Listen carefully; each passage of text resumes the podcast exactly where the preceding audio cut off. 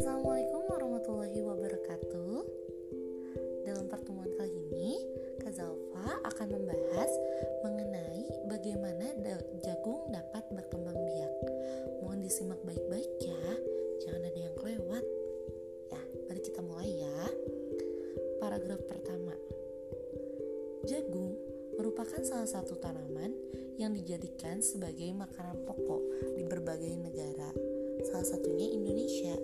Di Indonesia, penduduk Pulau Madura menjadikan jagung sebagai makanan pokoknya.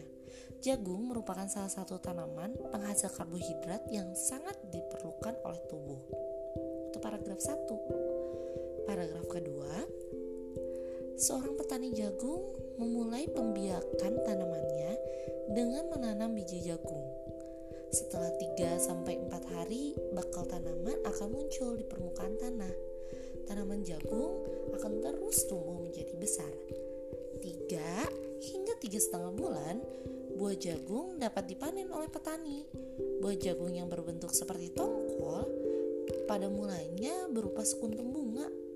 Paragraf kedua. Paragraf ketiga, bunga jagung memiliki helai-helai rambut halus pada bagian ujungnya. Pada helai rambut tersebut terdapat tepung sari. Tepung sari ini akan terbang terbawa angin ketika angin bertiup.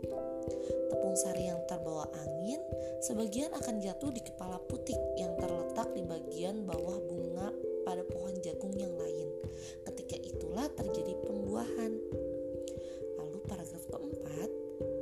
setelah terjadi pembuahan, bunga jagung tersebut terus berkembang hingga menjadi buah jagung.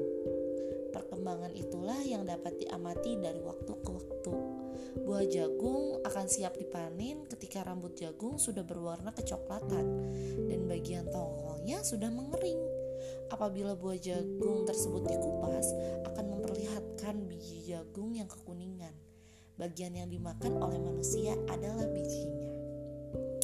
Lanjut paragraf terakhir, paragraf 5 Supaya jagung selalu tersedia sebagai bahan makanan manusia, maka petani jagung harus menanam kembali sebagian biji jagung dari hasil panen.